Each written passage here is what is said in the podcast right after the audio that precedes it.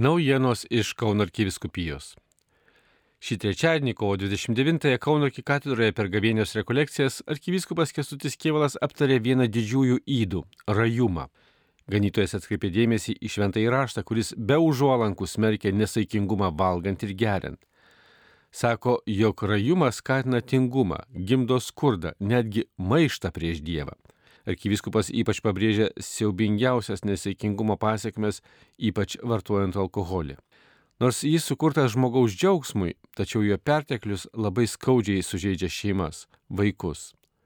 Kai alkoholio vartojimas tampa nevaldomas, tada jau niekas, nei titulai, nei pareigos, nei pinigai, o tik Dievas, bičiulių pagalba, te gali žmogų sustabdyti.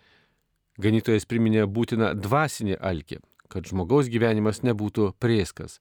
Šventieji mus moko, kaip turėti tokį Dievo alkį.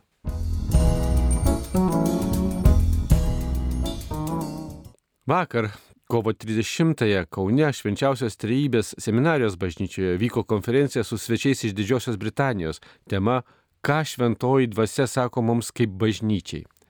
Su įvairias tarnystės atliekančiais žmonėmis dalyjosi katalikų evangelizacinės bendruomenės Sijon įkorėja, charizminio atsinaujinimo lyderė Europoje Michelle Moran. Ji kartu su vyru Peteriu ne pirmą kartą jau su džiaugsmu atvyksta į Lietuvą, kur, jos pačios žodžiais tariant, mato vis augančią bažnyčią. Sveikinimo žodį taręs Kauno arkivyskupas Kesutis Kievalas pavadino dovana ir palaiminimu, kai mažutėlių padrasinti atvyko didieji bažnyčios žmonės, žinomi daugelie pasaulio kraštų. Ganytojas iškėlė šio sustikimo aktualumą, kaip šiandien šiuo nelengvu laiku būti bažnyčia, kaip jai atverti širdis šventai dvasiai. Susitikimo viešne Mišelė Moran atkreipė dėmesį, kaip bažnyčia gimė per pirmasis sėkmines, su kokiu šventosios dvasios vėjų ir gale jį išėjo į pasaulį iš aukštutinio kambario. Ir bažnyčia visada yra misionieriška. Visi pastarojo meto popiežiai suprato evangelizacijos svarbą.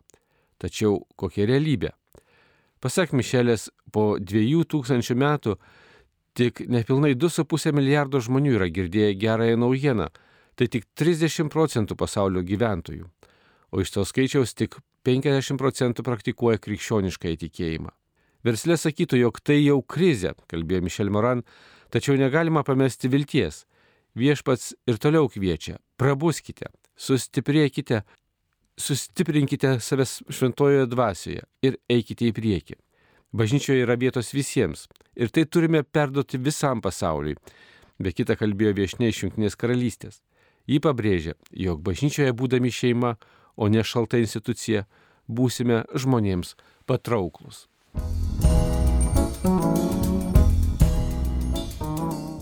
Artėja didžioji savaitė ir didysis Velykų tridinis.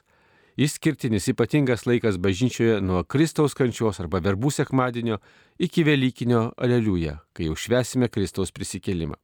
Taip pat išskirtinis ir Kauno arkiviskupijai bus ir artėjantis Velykinis metas, nes vos tik atšventus Velykas, balandžio 22-ąją, šventimus priims popiežiaus Pranciškaus, vasario 27-ąją Kauno arkiviskupijos auxiliarų paskirtas vyskupas Saulis Bužauskas. Visą balandį Kauno arkiviskupijoje melsimės už būsimą arkiviskupą pagalbininką Na, o verbų sekmadienis, balandžio antroji, Kauno arkikatedroje bazilikoje bus švenčiamas 12 val. einant procesiją bei skelbiant Kristaus kančios istoriją. Verbų sekmadienio bei didžiojo tridinio pamaldų liturgijai arkikatedroje vadovaus arkivyskupas Kesutis Kievalas. Didįjį ketvirtadienį, balandžio 6 dieną, čia rinksis arkiviskupijos kunigai, draugės su arkivyskupu švesti Krizmos šventasias mišes atnaujus šventimų pažadus. Krizmos mišios prasidės rytmetį 10 val. O paskutinės vakarienės mišios didįjį ketvirtadienį vyks su kojo plovimo apieigomis ir prasidės 18 val. Didįjį penktadienį po keliarių metų pertraukos dėl Kauno gatvių rekonstrukcijos bei pandemijos suvaržymų vėl išeisime į kryžiaus kelią miesto centre per Laisvės alėją ir Vilniaus gatvę. Kryžiaus kelio eisin organizuoja arkiviskupijos kūrija Ši prasidės 20 val. nuo Švento Arkangelo Mykolo įgulos bažnyčios ir bus einama į arkikatedrą. Kauno arkiviskupijos interneto svetainėje skelbiami Velykinių pavaldų tvarkaraščiai Kauno bažnyčiose.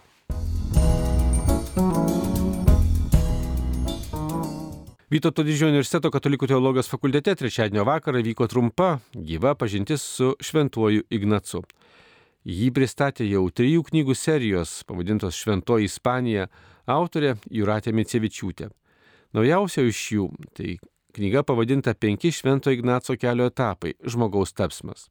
Atrodytų, Ignacas gyveno prieš daugybę metų, o su juo užsimesgė nuostabi bičiulystė. Štai kaip jis geba jungti žmonės, sakė Juratė Mincevičiūtė, pasidalijusi savo tyrinėjimų žvilgsniu į XVI amžiaus šventąjį, mokinį tapusi mokytoju. Iš pasakojimo atsiskleidė, kaip Jėzaus draugijos įkūrėjas prieš tai nuėjo ilgą ieškojimų kelią.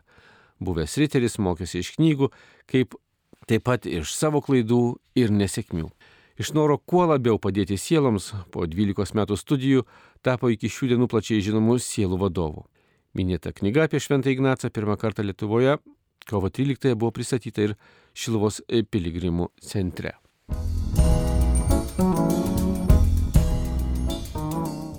Šiandien Kaune švenčiausios trejybės arba seminarijos bažnyčioje bus paminėtos Benediktino, tėvo Žeraro iškeliavimo pas viešpati antrosios mirties metinės ir pristatoma jo knyga Tik į priekį - pasakojimai, padrasnimai, prisiminimai.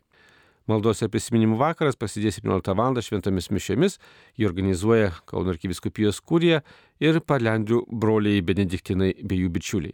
Tai buvo didžiausia tėvo Žiraro gyvenimo laimė - tarnauti viešpačiui maldos tyloje ir padėti į vienuolyną atvykstantiems žmonėms atrasti gyvenimo džiaugsmą, atsinaujinusios dvasios ramybę, pradžiugusios širdies paguodą. Atrodo, kad tėvo Žiraro parodyta laimės paslaptis yra gana paprasta - tapti laisvu žmogumi gyvenant viešpaties mums dovanotame pašaukime ir tarnauti kitiems. Taip prisimena tėvą Žirarą arkivyskupas Kesutis Kievalas, kartu su palendrių broliais kviesdamas dėkoti Dievui už jo dvasinį palikimą. Apie šias ir kitas naujienas išsameu skaitykite Kauno arkiviskupijos interneto svetainėje bei socialinio tinklo Facebook paskyroje. Marijos radio iš Kauno Darius Chmeliauskas.